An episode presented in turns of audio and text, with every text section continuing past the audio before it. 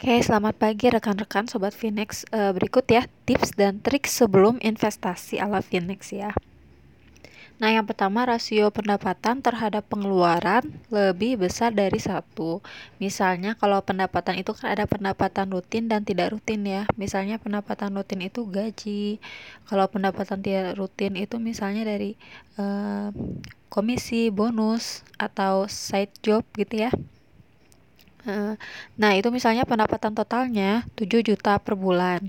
Lalu pengeluarannya per bulan 6 juta. E, jadi rasio itu berarti pendapatan dibagi pengeluaran 7 juta dibagi 6 juta sama dengan 1,167. Berarti rasio keuangan Anda sehat ya atau sebelum berinvestasi pastikan bahwa pendapatan Anda lebih besar dari pengeluaran. Kalau kurang berarti Anda bisa menambah e, menambah penghasilan ya, entah itu berbisnis sampingan, entah itu berjualan dan sebagainya. Nah, yang kedua, cicilan produktif ya. Cicilan produktif itu kalau bisa ku, uh, ku harus kurang dari sama dengan 30% ya. Nah, uh, sekarang kan uh, udah nggak aneh ya misalnya kalau kita membeli aset gitu ya seperti kendaraan atau rumah uh, misalnya menyicil gitu ya menyicil untuk e, mendapatkan aset tersebut. Nah, misalnya case-nya tadi kalau pendapatan itu 7 juta. Nah, kalau cicilan produktif ya. Jadi kayak kendaraan, rumah itu produktif karena e, memang terpakai gitu untuk menghasilkan sesuatu yang e, lebih produktif menunjang aktivitas kita sehari-hari gitu ya. Kendaraan, rumah itu cicilan produktif. Nah, misalnya cicilannya 1,5 juta. Nah, berarti rasio cicilan hutangnya 1,5 juta dibagi 7 juta dikali 100% sama dengan 21,43%. Berarti dia lebih kecil dari 30%, maka uh, masih aman ya. Nah, lalu beda lagi dengan cicilan konsum konsumtif. Kalau cicilan konsumtif itu kakak-kakak atau rekan-rekan ya. Uh, jadi bukan uh, yang dipakai untuk menunjang uh, namanya bukan menunjang kebutuhan hidup kita gitu jadi kayak cuman wants gitu kebutuhan keinginan kayak memiliki uh, apa namanya membeli baju fashion terkini membeli tas terkini yang branded tapi nyicil. Uh, ya tapi nyicil. Nah itu berarti rasio keuangan anda tidak sehat ya. Kalau bisa uh, hindari gitu ya cicilan pada uh, barang konsumtif. Seperti itu. Jadi harus nol gitu kalau bisa. Nah, lalu yang ketiga, dana darurat ya. Dana darurat itu bukan uh, gaji ya, bukan pendapatan ya, tapi pengeluaran. Jadi pengeluaran kita per bulan. Pengeluaran kita per bulan. Nah, itu menjadi dasar dana darurat kita. Jadi kalau kita single, hmm, dana darurat yang kita harus siapkan tiga kali pengeluaran gitu per bulan ya berarti tiga kali pengeluaran per bulan nah kalau Anda menikah berarti Anda harus menyiapkan eh, 6 kali pengeluaran ya. Oke, diulangi lagi ya, maaf eh, tadi ada kesalahan. Jadi dana darurat itu merupakan pengeluaran ya, bukan pendapatan. Jadi kan kalau pengeluaran itu seharusnya lebih kecil ya dari pendapatan, tidak harus eh, apa namanya tidak sebesar pendapatan. Nah, namanya dana darurat itu pengeluaran kita per bulan. Entah itu membayar tadi eh, apa namanya kebutuhan atau keinginan itu per bulan pengeluarannya berapa itu menjadi dasar dana darurat. Nah kalau anda single berarti anda harus menyiapkan idealnya dana darurat 6 kali pengeluaran per bulan. Nah kalau anda menikah berarti 9 kali pengeluaran per bulan. Nah, kalau Anda menikah dan punya anak, sebaiknya idealnya Anda menyiapkan dana darurat 12 kali pengeluaran per bulan. Nah, dana darurat ini bisa Anda siapkan uh, setengah persen ya, uh, 50 persen ya, setengahnya dari uh, setengahnya uang cash. Nah, setengahnya lagi untuk investasi bisa Anda uh, namanya uh, dana daruratnya di, uh, disimpan pada instrumen investasi. Jadi bisa juga setengahnya. Jadi kalau Anda single bisa 3% Anda uh, 3 kali pengeluaran anda menyiapkan dana darurat.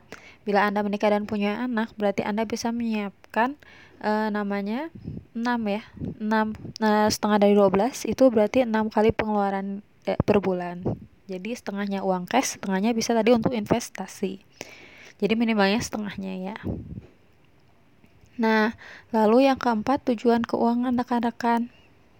Tujuan keuangan ini berguna untuk menentukan instrumen investasi yang akan uh, sobat Phoenix pilih ya. Jadi tujuan keuangannya entah untuk uh, namanya pendidikan anak, dana dana untuk membeli rumah atau dana untuk menikah dan sebagainya ya. Jadi idealnya seharusnya sebelum Anda berinvestasi tentukan tujuan keuangan Anda ya. Nah, lalu yang kelima, pahami profil dan risiko instrumen investasi ya. Nah, tadi kalau reksadana pasar uang itu cenderung stabil ya nilai investasinya dan uh, trennya naik ya. Jadi walaupun kecil trennya selalu naik gitu ya. Uh, mungkin ada turunnya tapi jarang. Nah, kalau reksadana pendapatan tetap agak berfluktuatif naik turunnya. Uh, lalu reksadana saham berfluktuatif berlebih berfluktuatif ya, naik turun uh, nilai investasinya. Nah, kalau emas itu sebaiknya untuk jangka panjang sih ya 5 tahunan, tapi untuk jangka menengah 3 tahun juga bisa emas. Seperti itu. Nah, kalau saya sih Nah, kalau saya sih melihat pemilihan reksadana itu berdasarkan profil resiko investasi ya, kayak konservatif, moderat, agresif, dan tujuan keuangannya ya, bukan kepada jangka waktu idealnya. Karena eh, saham itu kan digadang-gadang banyak orang untuk investasi jangka panjang ya. Jangka panjang itu berarti lima tahunan.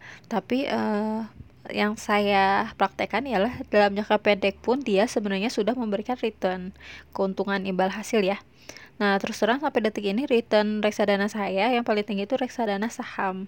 Namun ya tadi disertai berfluktuatif ya, naik turun naik turunnya return.